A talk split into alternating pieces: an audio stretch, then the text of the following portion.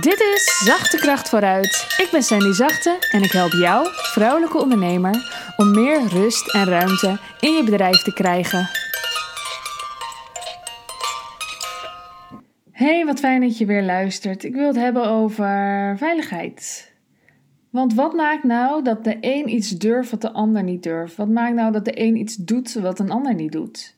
Heeft allemaal te maken met veiligheid.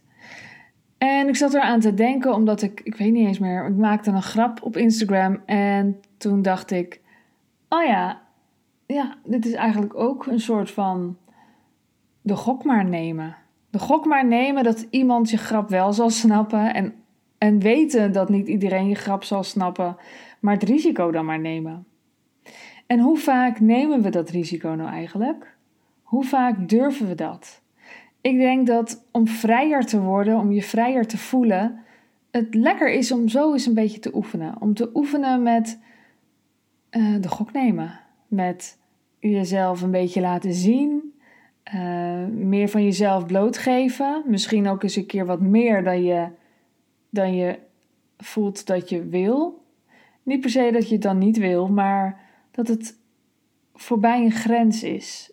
Ik, ik had bijvoorbeeld ooit dat ik zei van, ja, ik wil gewoon echt niet bekend worden. Dat wil ik gewoon niet. Dat vind ik helemaal niet leuk. Ik uh, hoef niet zo nodig met mijn kop. Laat mij maar achter de schermen. En dat zijn vaak ook gewoon verhaaltjes die we onszelf vertellen. Ik weet niet eens meer precies hoe het veranderde. Maar volgens mij, omdat ik zag wat het effect was. Ja, ik weet het alweer. Het was, was een tijd dat het heel slecht ging met het bedrijf. En dat ik dacht, wat is nu... Uh, het meeste effect? Wat heeft nou het meeste effect als ik dat doe? Hoe besteed ik mijn tijd nou zo efficiënt mogelijk? Want we, we stevenden op een faillissement af. Of eigenlijk alleen ik, hè. Dus ik stevende op een faillissement af en het zette me ontzettend op scherp. Dat ik echt ging kijken, wacht even, wat moet ik nou eigenlijk met mijn tijd doen? En toen had ik een evenement dat verkocht moest worden en ik realiseerde me, dat betekent dat ik live moet gaan. Want live gaan kost heel weinig voorbereiding, heel weinig nabewerking. Het is vooral die tijd zelf. En mensen krijgen allemaal een melding, dus het wordt ontzettend geboost door Instagram. Het is alleen nog maar durven. En het had. Um, de noodzaak was gewoon groot genoeg om het dan te durven.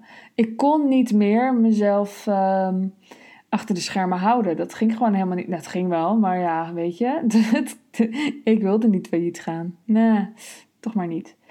Dus toen werd het heel duidelijk, het werd heel scherp, er hing iets van af. Het was echt belangrijk om zo uh, zichtbaar mogelijk te zijn met zo min mogelijk uh, kosten en tijd. Nou, dat was dus live gaan. Nou, dat was dus mezelf laten zien. En zo ben ik daar eigenlijk een beetje mee begonnen dat ik dacht: oké, dit werkt. Dit is gewoon dus wat ik doe. Het is echt het moment geweest dat, dat ik ging kijken als ondernemer, terwijl ik het al jaren was. Ehm, ik was, nou ja, kind uh, was vijf jaar lang hobby. En daarna ben ik ondernemer geworden. En toen heb ik het, ja, het was denk ik al vier jaar of zo dat ik dat, drie jaar misschien dat ik dat aan het doen was. Maar nog steeds vanuit dat hobbyclubjesgevoel. En het heeft best wel tot dat faillissement geduurd voordat ik dacht: wacht even. Oké, en nu ga ik de ondernemer zijn, precies mijn cijfers snappen, precies doen wat efficiënt, handig is, wat impact maakt. En dat ben ik ook gaan doen. En nou ja, dat jaar sloten we echt met een gigawinst af. Dat was uh, een enorm verschil met het jaar ervoor, dat de boekhouder ook dacht: wat is hier gebeurd? Nou ja, ik ging dus echt ondernemen. En uh, ja, ik moest daar dus aan denken dat ik mezelf een beetje voor het blok, nee, voor het blok niet. Hè? Ik, kan, ik moet nu natuurlijk wel gewoon even op woorden kunnen komen, want ik kan het niet even zo. Hè? Nou, hè? Jongen, jongen, jongen.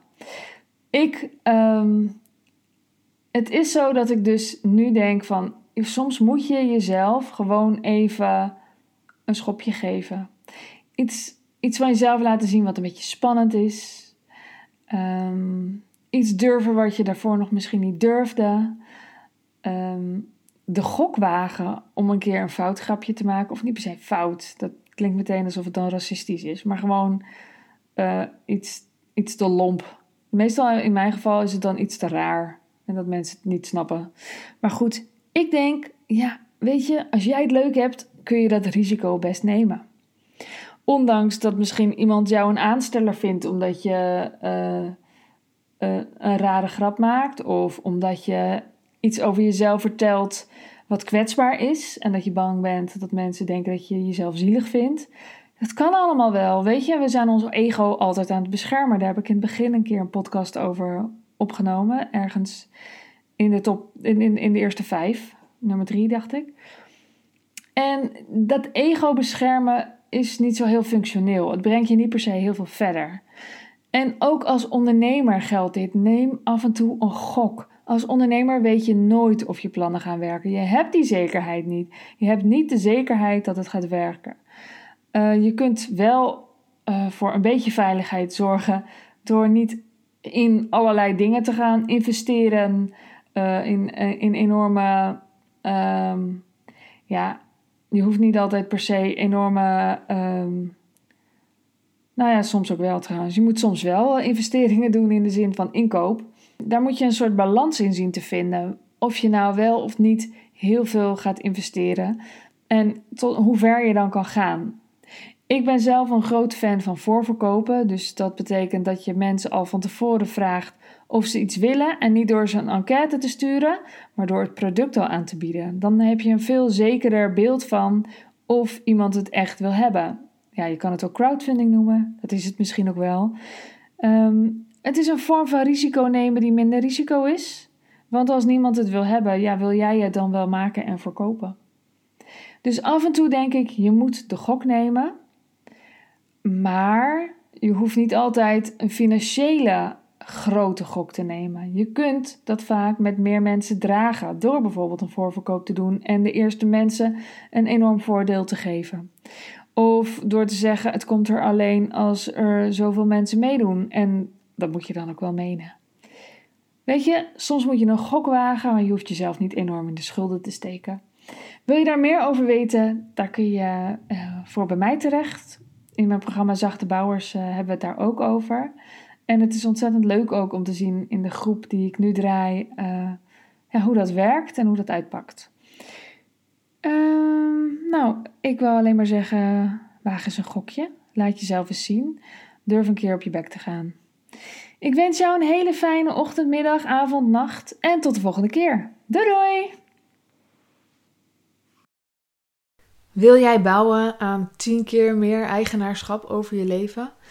Wil je dat door middel van zelfvoorzienend leven in het kleinste zin van het woord, ondernemerschap en persoonlijk leiderschap? Kom dan bij Community Leven in Vrijheid, waarin een hele groep wilde mensen is die hier ook mee bezig zijn, die dit ook willen en die heel graag met je willen uitwisselen. Over moestuinieren, over grootse plannen, over hun eigen bedrijf opbouwen, over allerlei aspecten die allemaal samen zorgen voor een, een leven buiten de logge systemen. Ga naar wildemens.nl als je erbij wilt.